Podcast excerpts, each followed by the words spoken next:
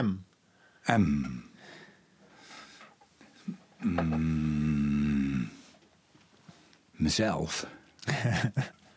ik wil het over mezelf hebben.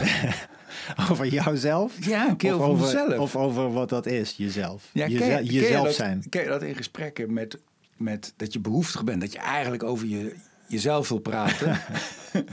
en dat die ander ja, ook zijn verhaal heeft. Ik vind dat het, het, het voor- en nadeel van een relatie. Dat, dat het voordeel vind ik dat als ik thuis kom, dat ik dan over mezelf kan praten en wat ik heb meegemaakt. Het nadeel vind ik dat mijn wederhelft dat dan ook gaat doen. Ook iets wel. Maar vind je jezelf uiteindelijk ook gewoon boeiender, objectief gezien? Dat kan, dat is, dat kan. Soms Je- je wel. vinden en objectief Soms kan wel. niet. Ja, het nadeel is dat je je eigen verhaal al kent. Dat, dat is toch ook raar? Dat je, wat is dat? Dat je die verhalen wil vertellen terwijl je zelf het verhaal al kent. Nou, ik heb heel vaak dat ik als ik, als ik echt op een praatstoel zit en, en ik wil iets kwijt, dan zit ik ook zo heel hoog in mijn ademhaling. En dan is het alsof ik achter mijn eigen woorden aanloop. En dan ben ik toch benieuwd naar wat er gaat komen. Dus dan denk ik, oh, ik, ik heb iets te pakken. Ik ben op het spoor van iets, iets wezenlijks. En doordat ik het dan weet te verwoorden, kom ik het, is het toch ook dan pas voor mijzelf duidelijk. Alsof het dan pas tot rijping is gekomen. Maar dat is de eerste keer dat je het vertelt dan. Ja. Ja, daarna wordt het een... een eh, ja, dan ga je het herhalen. Als je het dan nog een keer zoiets vertelt. Maar dan dat kan ik wel voelen. Dat er echt iets gaat komen dat voor mij ook nieuw is. En dat, dat eindelijk, dat al die tijd al heeft gegroeid. En dan komt dat eruit. Kun jij je voorstellen dat je op een gegeven moment ook wel klaar bent met jezelf, met het me- mezelf? Ja, heel erg. En, en dat, je, dat er daardoor ook misschien meer ruimte komt voor de ander. Ik, ik probeer helemaal niks duidelijk te maken, Henk. Nou, ja, dat hoop ik. De, de- weet ik, niet. ik heb wel dat ik genoeg heb van mezelf. Maar dan uit dat zich meer in de drang om het te verdoven. Of om naar te gaan slapen. Of toch om afgeleid te worden, inderdaad. En dat kan, die afleiding mag best een ander zijn. Als die een boeiend verhaal heeft. Maar ik moet je wel eerlijk zeggen dat ik snel... Ik ben niet snel echt geboeid door andermans verhaal. Ik vind de beste grap van Stefan Pop ooit, eh, comedian, is, eh, vertelt dit hij met een meisje aan het praten is. En dan zegt hij op een gegeven moment, maar goed, genoeg over mezelf, ik ga naar huis. ja. Ja, je hebt toen ook zo eentje van eh, genoeg over, eh, genoeg over mezelf gepraat. Wat vind jij eigenlijk van mij? Ja, Dat ja. is ook zo een. Dat is raar, hè? want je hebt eh, aan de ene kant je hebt ook zeg maar, de, de, de typische hulpverleners Ja. die zichzelf helemaal wegcijferen en, en de hulpverlening gebruiken om het niet over zichzelf te hebben. Ja. En aan de andere kant heb je er wat meer narcistische kunstenaars die ja, maar ik weet niet of het narcisme is. Kijk, de, de vraag is natuurlijk, die, die meer hulpverleenachtige types, zijn die daadwerkelijk meer geïnteresseerd? Zijn die heel geïnteresseerd in de ander? Is dat de reden waarom ze zijn zoals ze zijn? Of is dat gewoon iets dat goed werkt voor hun eh, manier van leven en staat Ja. van zijn? En, en, en andersom geredeneerd, is het dat ik gewoon niet zo geïnteresseerd ben in de ander, dat het daardoor komt? Ik denk het toch niet, want als iemand e- wel echt iets te vertellen heeft waar ik gefascineerd naar luister, of wat ik, wat ik echt fascinerend vind, dan heb je wel mijn aandacht. Dus het is ook gewoon een lat die hoog ligt.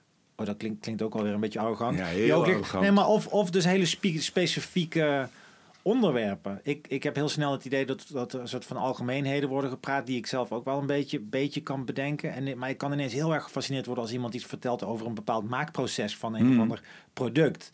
Of bijvoorbeeld... ehm, ik was laatst in Gent met een paar vrienden... eh, zo'n zo'n zo'n mannenweekendje. En zij keken allemaal Formule 1. En Ja. Ik heb dat nog nooit gekeken in mijn Nee. leven. En ik denk ook dat ik zo'n wedstrijd nooit echt ga kijken. Maar toen hadden ze het daar zo'n beetje over. En dan ging het over de specifieke dingen... of hoe zo'n race werkt... en hoe dat psychologisch gezien werkt. En daar was ik dan ineens helemaal gefascineerd door. Wilde ik daar alles over weten. Dat, zonder dat het zich vertaalde naar ik wil zo'n wedstrijd zien. Maar dan kan ik daar dus helemaal geïnteresseerd naar luisteren. Dus het is niet per definitie... oh, de ander is aan het woord. Nu, nu ga ik niet meer opletten. Ik ben alleen gewoon heel snel dat ik afdwaal in gedachten... en dat ik het gewoon net niet boeiend genoeg vind... wat een, wat een ander vertelt. Ik weet, ik weet niet of dat arrogant is. Dat is ook een kwestie met focus en aandachtspan. Ja, misschien is het ook. Ik hoorde dat dat, dat ook een typisch kenmerk is van ADHD'ers. is dat die het heel moeilijk vinden om naar iemand te luisteren. En dat ken ik ook wel heel erg. Om naar iemand te luisteren terwijl je al weet wat diegene gaat Ja, zeggen. Ja, En dat, dat, is, dat is vaak heel irritant. ja dat, is heel, dat is gewoon heel lastig. En ehm, En, en dan zeggen mensen het vaak ook nog eens drie keer. Dan hebben ze het al gezegd en dan gaan ze het herformuleren. Maar dan zeggen ze weer hetzelfde. Ja. En dan nog een keer hetzelfde. En dan weet ik op een gegeven moment ook niet meer hoe ik moet reageren. Nee. Van, ja, ik, ik, heb het, ik heb het gehoord. En eh, wa- wat, waarom vertel je het drie keer? Ja, en het kan, ik kan er echt last van hebben als iemand aan het woord is en ik vind het niet boeiend. Ik kan dan ook niet een soort van daarin rustig zetelen en het over me heen laten komen. Ik bedoel? Ik wil Ja. weg. Ik wil dan, ik wil, ik wil weg. Ik vind het echt. eh, ehm, Je zou eigenlijk altijd een belletje bij je willen hebben, Ja. toch? Wat wij hebben. Dat die Ja. ping en dat het saai is en dat het klaar is. Ja, nu. dat is natuurlijk ook iets wat, wat Larry David eh, zou doen van Curb Your Enthusiasm. Ja. Er is één zo'n aflevering waar hij dan al begint te klappen als iemand nog zo halverwege Ja. een liedje zingen Ja. is of zo van oh that was great. Ja. Dat Nee, die tune, nog- die tune van de Oscar, die zegt ja, hij ja, in, ja, ja, oh ja, die, oh ja, dat speech, doet hij als op een een gegeven speech moment te lang ja. duurt. Ja. Maar het heeft ook te maken, en ik denk, eh, ach, laat ik weer eens seksistisch zijn. Ik denk dat mannen daar iets beter zijn, in zijn dan vrouwen. Dat, dat, dat je hebt natuurlijk ook, zoals je, eh, wanneer je een tekst maakt op papier, ga, eh, ga je ook kijken. Heb je ook een editor in je hoofd of extern die kijkt, wa- wat kan weg? En ik denk dat, dat mannen in zijn algemeen iets een iets betere editor in hun hoofd hebben bij het spreken. En, en dat ze iets, iets beter kunnen selecteren Ah, wil- wat ze wel en niet hardop uitspreken. Je weet dat ik graag met jou samen dan seksistisch wil zijn. Maar ik denk, ik weet niet of dit zo is. Ik weet het ook niet. Ik, ik, eh, nee, dat, dit- Nee, ik ken genoeg mannen die ook oeverloos Ja, zijn. toch? Ja, dat is waar. En ik kan het zelf trouwens ook zijn hoor. Ik kan zelf ook mezelf Dat hoef je mij niet te vertellen. Maar het is ook een kwestie van aandachtspan. Bijvoorbeeld, ik, ik vind niks erger dan luisteren naar iemand die voordraagt uit eigen werk. Ja, Dat is verschrikkelijk. Nee, ik, na twee zinnen weet ik al, dan ben ik al, vervel ik me al en ben ik, oh, Ja. dwaal ik af in gedachten. Maar je moet blijven zitten en je, je moet stil zijn. Ik haat het ook als ik het zelf doe, voordragen. dat siert je. Dat, dat je niet als je het zelf doet, dat je het dan fantastisch Ja. zou vinden. En ik heb het ook wel als ik zelf praat, dat ik denk, hou je smoel.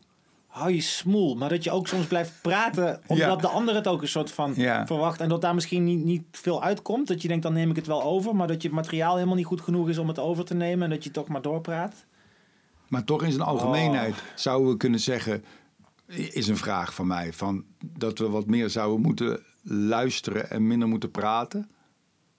Ja, nou, mits het boeiend is wat die andere te vertellen heeft. Ja. Dan ontbreekt het gewoon vaak aan. Wat, wat is het nut van, van beter luisteren als het gewoon saaie, Ja, saaie, ja. saaie dingen zijn? Maar, Ja, Mensen, mensen zouden moeten leren. Ik, ik ben natuurlijk heel vaak, eh, eh, als ik naar optredens rijd, rijd ik met eh, een vriend.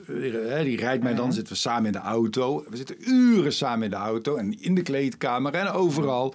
En wij kunnen heel goed samen ook zwijgen. ja, En dat is denk ik ook wat mensen moeten leren. En, Oh, en wij zelf ook. Van, dat je af en toe ook gewoon, inderdaad, gewoon je melk kan houden. En dat het helemaal goed is. En samen stil zijn. Ja. En dat het helemaal oké is. En inderdaad, als er iets opborrelt wat je de moeite waard vindt om te vertellen. Vertel het, maar, maar niet het gepraat om het praten. dat is de heilige graal. Zeggen we terwijl we hier gaan, maar aan het praten Ja, zijn. maar je kunt moeilijk een podcast, een zwijgende podcast Nee, eh, ja. maken. Maar eh, ja, dat is de heilige graal. Samen kunnen zwijgen, dat vind ik het moeilijkste wat er is. Bijna met iedereen in alle settingen. Dat, dat eh, ja, nou, ja, dat is wel een ander onderwerp. Ja, nee, ik wou hem afpakken, maar dan ging die al. Ik wou juist even zwijgen dan.